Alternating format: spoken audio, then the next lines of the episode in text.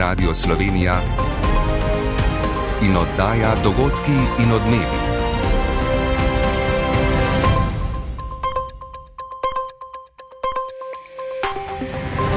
Ura je 15 in 30 minut. Dobar dan. Lepo pozdravljeni. Predsednik republike Borut Pahor se danes poslavlja od položaja, ki ga je zasedal deset let.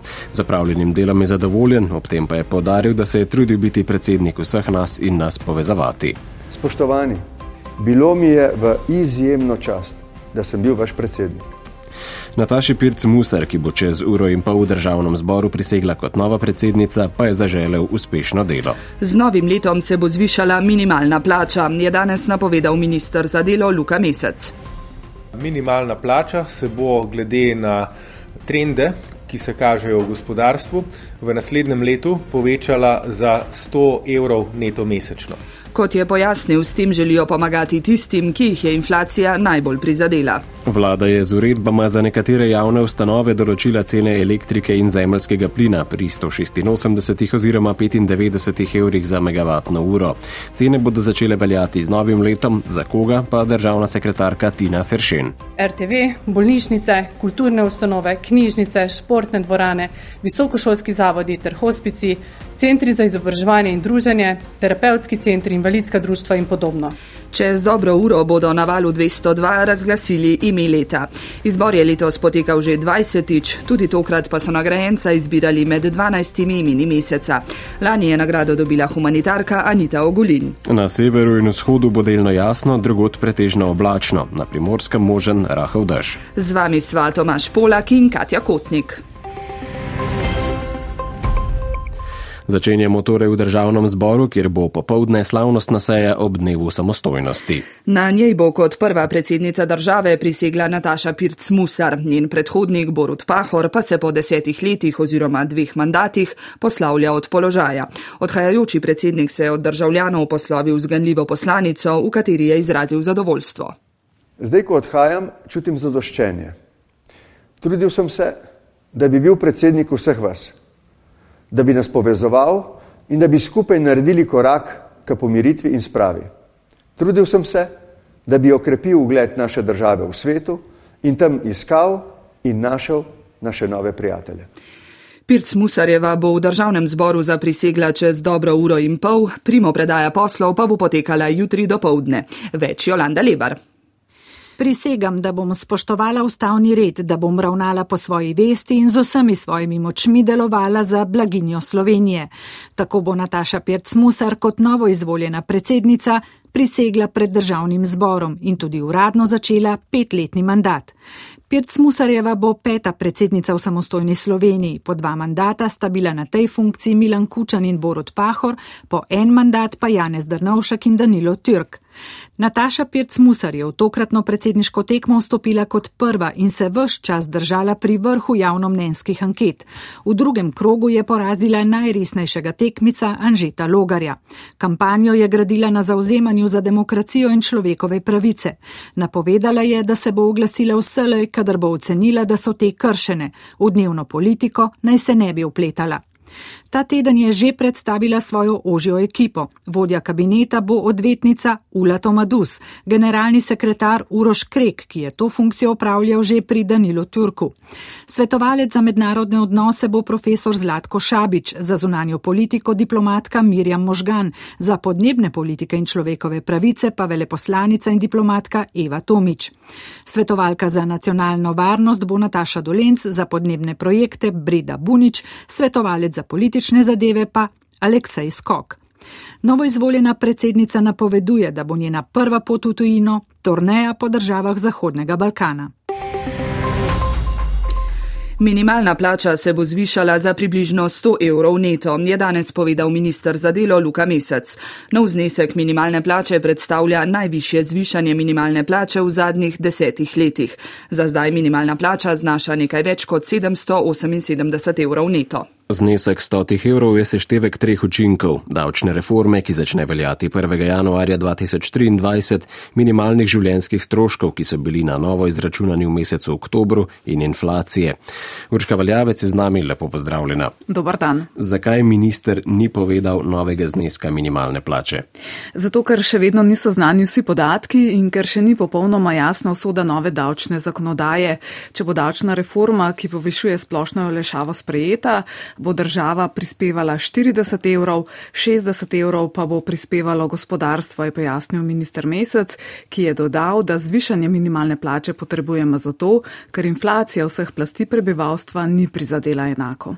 Z 100-evrskim dvigom neto plače v januarju želimo pomagati predvsem revnim zaposlenim, revnim gospodinstvom, tistim, ki se najtežje prebijajo skozi mesec, eh, tistim, ki jih je konec koncev inflacija najbolj prizadela. Kdaj bo minister predstavil končni znesek minimalne plače, še ni znano. Počakati bo moral na zadnje podatke statističnega urada glede inflacije, ki jih je pričakovati sredi januarja. Predvidoma bo nov bruto znesek minimalne plače od obstoječega višji za 12 do 14 odstotkov. Višjo minimalno plačo delavci na svojih računih lahko pričakujejo februarja. Kako so se na napoved ministra odzvali delodajalci? Zadržano. V času, ko so se povečale cene energentov in času, ko se močno povečujejo stroški materijala, lahko povečanje stroškov dela preko zakonske obveze ogrozi njihovo konkurenčnost. Tu je izjava predstavnika gospodarske zbornice Mitje Gorenščka. Gotovo je čas za zvišanje minimalne plače, to nam narekuje že zakon o minimalni plači. Naše pričakovanje pa je bilo, da se bo ta povečala v uh, skladu z zakonom in ne čez to, kar nam zakon narekuje. In kakšen je odziv sindikatov? Sindikati so pričakovali, da se bo minimalna plača prihodnje leto zvišala za vsaj 100 evrov neto na znesek med 870 in 900 evrov neto. Bi pa po mnenju predsednice svobodnih sindikatov Lidije Jerkič morali čim prej začeti s preminjanjem plačnega modela, tako v javnem kot v zasebnem sektorju. Dejstvo je, da se oba sektorja spopadata z problemom najnižjih osnovnih plač, kjer minimalna plača doseže v zasebnem sektorju ponekod v sedmi tarifni razred, v pojasnilo sedmi tarifni razred so diplomirani inženirji, v javnem sektorju pa v uh, razrede že nad 20. plačnim razredom, mislim, da bo nova minimalna plača posegla že tja v 27. plačni razred. Pogajalska skupina za nov plačni sistem, ki bo skušala doseči dogovor, je že ustanovljena. Urška, najlepša hvala za pojasnila. Prosim. Vlada je sprejela uredbi o določitvi cen električne energije in o določitvi cen zemljskega plina za nekatere pravne osebe javnega prava. Za občine, javne zavode, javne gospodarske zavode, javne agencije in sklade bodo prihodnje leto cene elektrike po največ 207 evrov na megavatno uro za višjo tarifo brez DDV. Med upravičence pa ne spadajo javna gospodarska podjetja, ki odvažajo smeti ali skrbijo za vodovod in čistilne naprave. Predstavniki občin, ki so z ravnjo cen za plin in elektriko elektriko načeloma zadovoljni, opozarjajo, da se bodo komunalne storitve podražile. Več v prispevku Maja Derčar. Javni zavodi, občine, agencije s praviloma višjo priključno močjo bodo s 1. januarjem deležni elektrike po enotni tarifi največ 186 evrov za megavatno uro. Višja tarifa sme znašati največ 207, nižja pa 148,5 evra. Cena plina bo zamejena pri 95 evrih za megavatno uro. S tem bodo zaščiteni vrtci, šole, zdravstveni domovi in še kot našteva državna sekretarka na Ministrstvu za infrastrukturo Tina Sršen. Sem sodijo naprimer RTV, bolnišnice, kulturne ustanove, knjižnice, športne dvorane, visokošolski zavodi ter hospici, centri za izobraževanje in druženje, terapevtski centri, invalidska društva in podobno. Kaj to pomeni za največjo občino Ljubljano, njene zavode, lekarne, gledališča in tako naprej? Nadejajo si prihranek v višini okrog 7,4 milijona evrov, od tega 7 milijonov na segmentu elektrike in 400 tisoč pri plinu. Na MOL sicer pripominjajo, da bi bilo bolje, če bi vlada uredbi sprejela že pred meseci. V Združenju občin Slovenije, ki ga vodi župan Pivke Robert Smrdel, so z zamejitvijo cen relativno zadovoljni. Obžalujejo pa, da kapice niso deležna tudi javna gospodarska podjetja, med njimi komunale, ki bi še marsikje utegnile prevaliti više stroške elektrike na gospodinstva oziroma odjemalce. Ali pa bodo razliko krile občine, ki so si oktobra izpogajale povprečnino v višini 700 evrov. Ta bo zdaj pošla za više stroške, se boji predsednik skupnosti občin Kočevski župan Vladimir Prebilič. Pripričan sem, da seveda ljudje ne bodo s odobravanjem sprejeli dviga cen, kar pomeni, da bomo verjetno županje in župani iskali načine subvencioniranja teh cen. To pa pomeni dodaten odhodek iz naših proračunov, kar pa pomeni seveda posledično, da tistih 700 evrov verjetno bomo porabljali za vse kaj drugega, kakor za investiranje. Predstavniki občin želijo, da bi se vlada z njimi prej pogovorila o stroških in regulaciji cen. Borzne cene elektrike se sicer spuščajo. Ob zdajšnjem trendu obstaja upanje, da draginja prihodnje leto vendarle ne bo tako huda, kot se je zdelo pred tednom dni. Vlada je danes tudi odločila, da še pred koncem leta v sistemskega operaterja prenosnega elektroenergetskega omrežja ELES uplača 170 milijonov evrov. S tem bo lahko družba normalno upravljala nakupe električne energije za pokrivanje izgub v omrežju nastalih prihodnje leto. Odpravila je tudi sporno uredbo o financiranju slovenske tiskovne agencije, po kateri je morala STA upravljanje svoje javne službe obračunavati po številu objavljenih novic in fotografij. Gre za uredbo, ki jo je sprejela vlada Janeza Janše in jo vodstvo STA izpodbija na sodišču.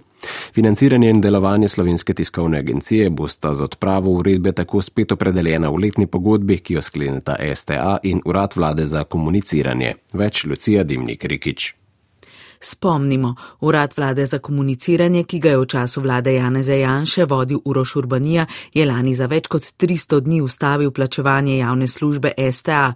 Urbanija je od tedanjega direktorja STA Bojana Veselinoviča zahteval določeno dokumentacijo, ko jo je prejel, pa je problematiziral način financiranja javne službe. Sledila je sporna uredba vlade, ki je uvedla plačevanje na kos. Tako vodstvo kot zaposleni na STA so opozarjali, da uredba UKOM-u dopušča dopušča možnost arbitrarne odločitve, katere vsebine bo v okviru javne službe financiral in katerih ne. To pa lahko vodi v nedopustno vplivanje na uredniško avtonomijo. Kot je po seji vlade danes pojasnila ministrica za kulturo Asta Vrečko, je uredba otežila finančno poslovanje agencije. Poudarila je tudi, da so neodvisni in avtonomni javni mediji ključni za slovensko demokracijo. In zato z današnjim dnem ukinjamo to neživljenstvo uredbo prejšnje vlade. S tem pa je tudi novinarjem in novinarkam slovenske tiskovne agencije ponovno zagotovljena avtonomnost pri upravljanju njihovega dela, torej obveščanja splošne javnosti.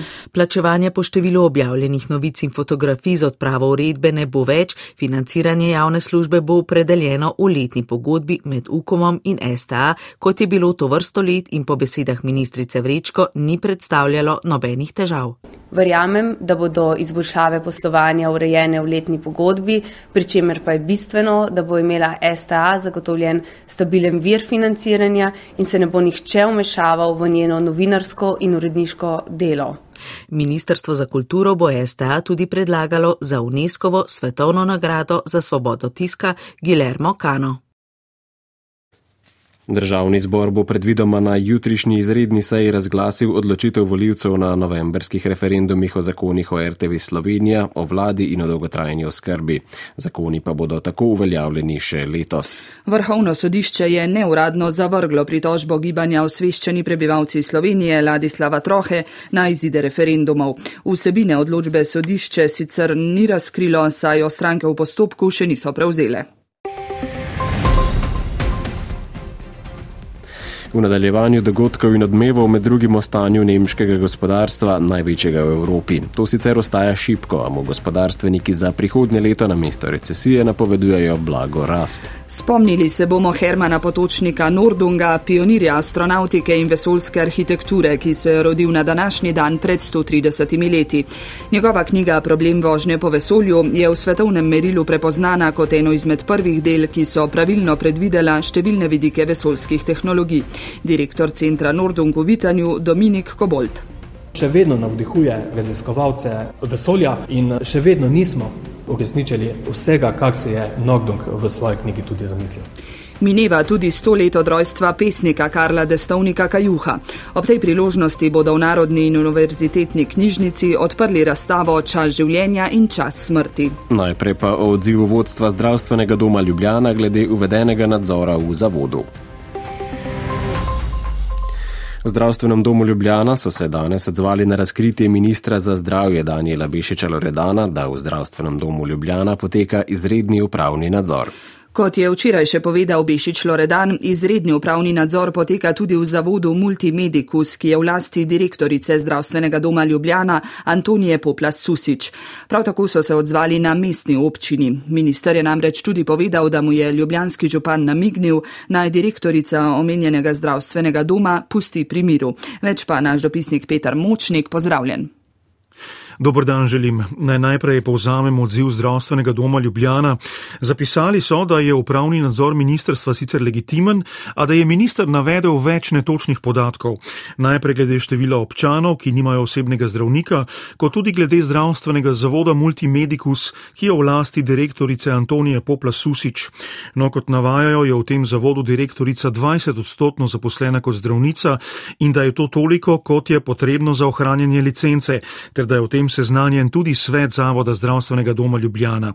No, dodajajo še, da Susič nima dveh, temveč 1,4 koncesije. Zavračajo tudi, da bi Zavod Multimedicus najemal laboratorijske storitve in najti podporo po ugodni ceni, čež da so ceniki za vse zunanje izvajalce enaki. Odzvali pa so se tudi na mestni občini glede izjave župana Zorona Jankoviča, da naj minister pusti direktorico pri miru. No, kot pravijo, je bila izrečena, ko ga je minister pozval, naj direktorico zamenja. Ta pri županu namreč še naprej uživa polno podporo. Opozoril je, da je pomankanje zdravnikov problem, s katerim se ne srečujemo le dobro leto, odkar je doktorica Popla Susič prevzela vodenje zdravstvenega doma Ljubljana. Peter Močnik, hvala lepa. Vladna stran in predstavniki sindikatov bodo čez približno četrt ure po napovedih podpisali sporazum o razreševanju stavkovnih zahtev in o realizaciji dogovora o nujnih ukrepih na področju plač v zdravstvu in socialnem varstvu ter o nadaljevanju pogajanj. Celotni dogovor je vreden približno 40 milijonov evrov. Dogodki in odmevi. Nemško finančno ministrstvo v mesečnem poročilu ugotavlja, da je največje evropsko gospodarstvo tudi v zadnjem četrtletju ostalo šipko, inflacija pa se bo v prihodnjem letu umirila. Pozitiven dejavnik gospodarskega razvoja je ugoden trg delovne sile, še ugotavljajo poročilu. Tudi napovedi nemških gospodarskih inštitutov za prihodnje leto so se spremenile, namesto recesije zdaj napovedujejo blago gospodarsko rast. Iz Berlina Polona Fjauš. Nemški minister za gospodarstvo Robert Habeck za prihodnje leto napoveduje boljše gospodarske razmere, kot so pričakovali, če tudi bi Nemčija zapadla v blažjo tako imenovano tehnično recesijo. Napovedi gospodarskih inštitutov so različne, a so bolj optimistične kot še meseca oktobra. Minhenski inštitut IFO za prihodnje leto napoveduje padec gospodarske rasti za nič cela en odstotek. Kilski inštitut IFV pa rast za nič cela tri odstotka. A kot pravi naš sogovornik, dr. Štefan Koc, ekonomist in vodja Centra za napovedi svetovnega gospodarstva na Gospodarskem inštitutu v Kilu, ki svetuje tudi nemški vladi, se bo to zgodilo le, če bo nemška politika upravila potrebne domače naloge. Predvsem je treba energetsko krizo drugače nasloviti in predvsem je treba ukrepiti ponudbo. Potrebujemo več virov energije kot doslej. To vključuje tudi dolgoročne pogodbe za terminale z utekočinjenim plinom. Tudi jedrskih elektrarn ne bi smeli pustiti, da se zaprejo, ampak nasprotno, premisliti, da bi znova vključili v mreže vseh šest jedrskih elektrarn kar zdaj podpira tudi večina prebivalstva. Pomoč države ocenjuje kot preveč splošno, ker da polni denarnice zasebnikom, ki pomoči ob višjih cenah energije ne potrebujejo in to po njegovem tudi viša inflacijo. Velika težava nemškega gospodarstva so bile prekinjene dobavne verige, kar pa se počasi ureja in prispeva k stabilizaciji nemškega gospodarstva. Ena večjih ovir za gospodarsko rast pa ostaja pomankanje delovne sile. Zato nemški gospodarstveniki pozdravljajo predloge, da bi se upokojitvena starost zvišala.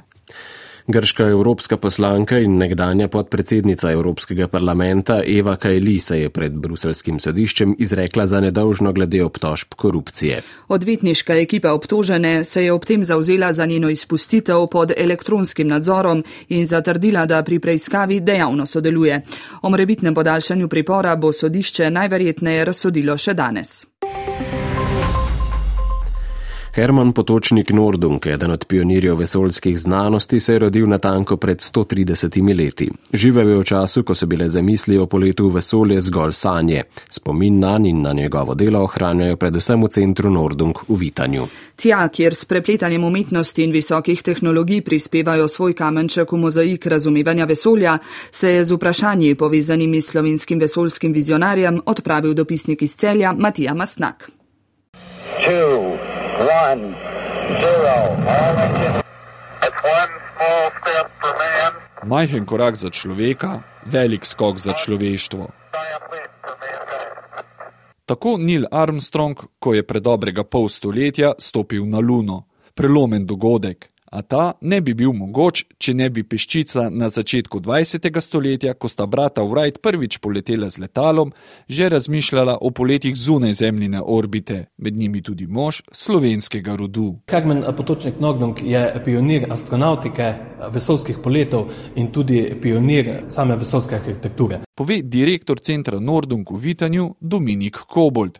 Hermanovo knjigo Problem vožnje po vesolju uvrščajo med najpomembnejša strokovna dela, v njej med drugim piše o premagovanju gravitacije in geostacionarnih satelitih. Zdaj zgodovina je pokazala, da večina njegovih zamisli je bila pravilna. Strokovna javnost ga dobro pozna, NASA je denimo leta 1995 izdala popolni prevod njegove knjige v angleščino. Še vedno navdihuje raziskovalce vesolja in eh, še vedno nismo uresničili vsega, kar se je Nogdong v svoji knjigi tudi zamislil. Bil je tudi navdih za ustvarjalce znanstveno-fantastičnih filmov.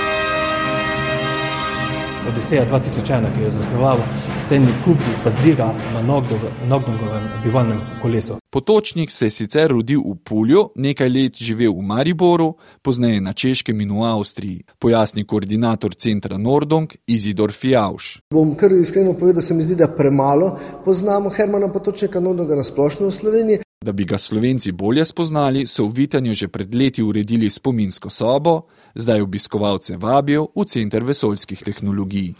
Prejšnji teden pa je minilo sto let od rojstva pesnika Karla Destovnika Kajuha. Prihodnje leto bomo praznovali tudi Kajuhovo leto in ob tej priložnosti bodo v Narodni in univerzitetni knjižnici Drevi v sodelovanju s knjižnico Velenje odprli razstavo Čas življenja in čas smrti Karl Destovnik Kajuh 1922 do 1944. Ogledal si jo je Vlado Motnikar. Samo en cvet, en češnjev cvet in samo milijon nas je, verza iz neravno obširnega kajuhovega opusa kažeta na njegov pesniški razpon med nežno ljubezensko liriko in motivacijsko domoljubno poezijo. Razstava v Nuku prikazuje najbolj priljubljenega partizanskega pesnika s fotografijami, osebnimi predmeti, dokumenti in rokopisi pesmi in pisem. Naslov Čas življenja in čas smrti sta ji dala ohranjena resnična in hkrati simbolna predmeta. Zapesna urica, darilo ljubljene Silve in stenska ura z domačije, kjer je 21-letni Karel Destovnik padal. Zaznamuje ta kajuhovo usodo in tudi čas, v katerem je živel, pojasnjuje vodja rukopisnega oddelka Marjan Rupert ob vlado Vrbiču, so avtor razstave. To me je nekako navedlo na ta čas. Čas, ki ga je živel kajuh in ta čas, ki tudi nam vsem pravzaprav odšteva te sekunde do smrti. To sem odela želel pokazati s tem, ne? in seveda ne samo čas nekega življenja, ampak tudi čas po življenju, v kajuhovem primeru je ostal zanimiv lep opus pesmi, ki nas še vedno navdihuje, eh, se pravi v smislu te klasične poezije. Razstava o Karlu Dostovniku Kajuhu, čas življenja in čas smrti bo odprta do 6. maja. Čez dobro uro bodo na valu 202 razglasili novo, že 20. ime leta.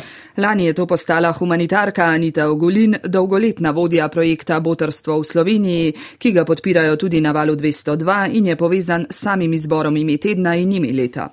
Več Maja Stepančič. Že več kot deset let je projekt Botrstvo v Sloveniji način pomoči otrokom in mladostnikom, ki so zaradi hude materialne, socialne, zdravstvene ali družinske stiske ogroženi, prikrajšani in socialno izločeni. Kako se je Botrstvo sploh povezalo s projektom Ime tedna, pa več Jana Vidic, novinarka na valu 202, ki pripravlja oddajo v podporo programu Botrstvo. V bistvu se je povezal na ključno.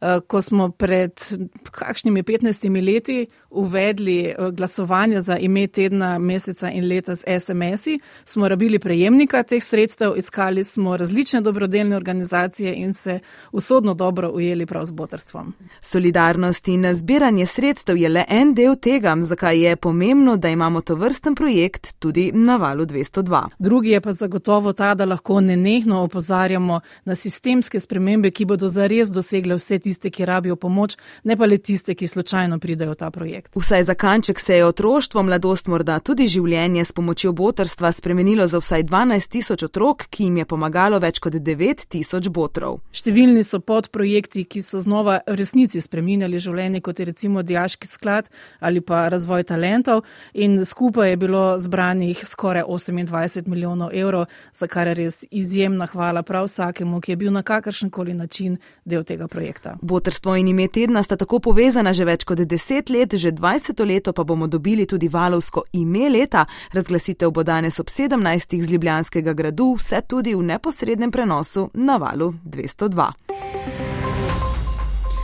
Predsednik slovenske škofovske konference Andrej Saje in ljubljanski načkov Stanislav Zore sta na novinarski konferenci popovdne predstavila izjavo slovenskih škofov ob odkritju zlorab in nasilja patra Marka Rupnika. V izjavi so podprli nedeljski poziv slovenskih jezuitov, ki so pozvali k prijavi vseh morebitnih zlorab. Izrazili so obžalovanje, da je nasilje odkrito šele zdaj. Škof Saje. Obžalujemo opustitev dolžnih ravnanj odgovornih in prikrivanje dejstev spolnega in duhovnega nasilja ter zlorabe moči in avtoritete, žal nam je, da žrtve desetletja niso bile zares slišane. Saj je ob tem dejal, da je zadeva Rupnik kljub zastaranju aktualna in zahteva preiskavo, saj obstajajo sumi, da je bilo žrtev še več. Na kratko povzemimo. V državnem zboru bo na današnji slavnostni seji pred dnevom samostojnosti in enotnosti prisegla prva predsednica republike Nataša Pirc-Musar. Na predsedniškem položaju bo nasledila Boruta Pahorja, ki se po desetih letih poslavlja od te funkcije. Primo predaja poslov pa bo potekala jutri do povdne. Minimalna plača se bo zvišala za 100 evrov neto, je sporočil minister za delo Luka Mesec. Gre za največji skok minimalne plače v zadnjem desetletju. Sledijo še športne minute minute, v njih med drugim o pričakovanju nočnega slaloma v italijanskih dolomitih. Z vami bo Dare Rupar. Hvala za pozornost in nasvidenje.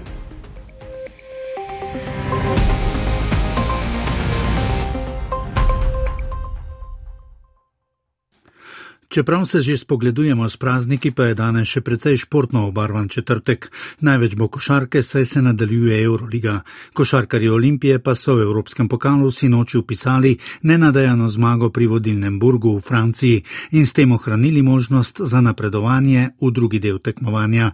Komentar je pripravil Franci Paušer. Spet tekma okrog 90 točk, a tokrat je Olimpija vendarle izvlekla zmago. Nekaj minut je igrala tudi dobro obrambo, večino pa je šlo za to, kdo bo dal koš več. Tudi v zaključku, v najbolj napetih trenutkih tekme, so koše deževali na obeh straneh. Olimpijina igra je po vrnitvi nekaterih poškodovanih igralcev v sponu, tokrat pa je v Burgom Bresu izkoristila še nekoliko lagodnejši pristop domačih favoritov, ki do konca niso našli prave energije, podobno kot ljubljančani prejšnji teden v Stožicah s predzadnjo Brešo, ko so slovenski prvaki šli v tekmo polni samozavesti po seriji regionalnih zmag, a se opekli. Olimpija ostaja na zadnjem mestu v skupini, zaostaja eno zmago za predzadnjim klužem ter dve za Brešo in Letka Belisom, ta sta na sedmem in osmem mestu, ki že vodita v končnico. Tekam je še devet, skupina pa zelo izenačena, od prvega do osmega mesta sta le dve zmagi razlike. Vse je še odprto, le olimpijna igra mora biti prava, zlasti v obrambi. Zdaj bo v Evropskem pokalu tritedenski premor, v Edranski ligi pač ne, a vmes bo časa za uigravanje dovolj. Kot smo zdaj že vajeni, pa bodo v prazničnih dneh precej zasedeni športniki, ki so vezani na sneg. Prehod v novo leto že 71 let zaznamuje novoletna skakalna turneja, še drugič jo bo tudi letos silvestrska turneja s tekmami na Ljubnem. Obe reprezentanci, ženska in moška, kombinirata priprave v Sloveniji, skoki v planici, kranju in na Ljubnem. Včerajšnje državno prvenstvo pa je ponudilo v pogled v razmerja moči in formo tekmovalcev. Podrobneje Boštjan Rebršak. Skakavke se bodo prvič soočile štirimi tekmami v petih dneh. Če dodamo še oba kvalifikacijska dneva, bodo šest dni zapored na skakalnici. Temu primerno je bila potrebna kondicijska usvežitev in priprava na najbolj zgoščen del tekmovanj v zgodovini ženskih smučarskih skokov. Rezultati na prvi tekmi utegnejo v veliki meri krojiti razpoloženje in razmerja moči. V slovenski reprezentanci stopa trojica Klinec, Bogata in Križnar. Vprašanje, če je konkurenčna vsem najboljšim. V moški konkurenci so priprave na prvi vrhunec sezone bolj ustaljene, šesterica, določena za začetek turneje, ima tudi že izkušnje z nastopanjem na vseh štirih prizoriščih. Je pa sinoči v planici točkovno zelo izstopal Anžela Nišek, konkurenco je premagal za 30 točk. Večina tako začenja turnejo z željo po preboju in scenariju, s katerim je lani navdušil Lauro Kos. Anžela Nišek pa je eden redkih slovenskih skakalcev, ki prihaja na turnejo v vlogi stopajočega posameznika. Na letošnjih štirih prizoriščih je zmagal trikrat in uliva samozavest strokovnemu vodstvu, ki si želi čim bolj ustaljenega ritma, brez presenečen in slabih razmer, ki bi lahko spremenila trenutna razmerja moči. Anžela Nišek namreč na turnejo prihaja kot drugi skakalec zime. Dan pa v nadaljevanju ponuja tradicionalni in znameniti slalom svetovnega pokala Tretre v Madoni di Campillo. Na startnem seznamu sta tudi dva slovenca, tudi drugi slalom sezone pa bo minil brez Žana Kranca. Več pa Igor Tominec. Slovenski klasični slalomski dvojec bo v tej sezoni sestavljen iz 27-letnega vrhničana Štefana Hadalina in 24-letnega konjičana Tijana Maravta, medtem ko vele slalomski as Žan Kranjec, ki slalom sicer trenira, do nadaljnjega ne bo tekmoval zaradi ekonomike razporeditve moči in osredotočenosti. Hadalin ima prav iz Madone svoj najboljši slalomski rezultat, sedmo mesto, sicer pa je že skoraj 30 letja od zmage Jureta Košerja, ko je slovenec na tem prizorišču zadnjič stal na zmagovalnem modru. Naš trenutno najboljši slalomist bo imel danes startno številko 33, Marovt bo nastopil 69. Prvi slalom sezone je pred desetimi dnevi v Valdizeru dobil norvežan Lukas Broten, ki bo tudi tokrat v najožjem krogu favoritov, tako kot njegov rojak Henrik Kristoffersen. Ta ima v Madoni največ zmag od trenutne zasedbe smučarjev, kar tri, tokrat pa bo zanimivo videti, ali lahko prinese prvo zmago tudi novemu opremljevalcu Van Diru. Začetek tekme bo ob 17.45. Na predstavitvi kolesarske zasedbe Jumbo Visma za sezono 2023 v Amsterdamu so objavili okvirni urnik dirk za glavne favorite v svojih vrstah v naslednjem letu. Tako je postalo jasno, da bo dolgoletni kapetan te ekipe Primož Roglič naslednje leto tekmoval na italijanskem džiru in ga v ekipi za francoski tur predvidoma ne bo. Poslušali ste oddajo Dogodki in odmevi urednica Barbara Cujnik, voditelja Katja Kotnik in Tomaš Polak, tonski mojster Boštjan Repanšek.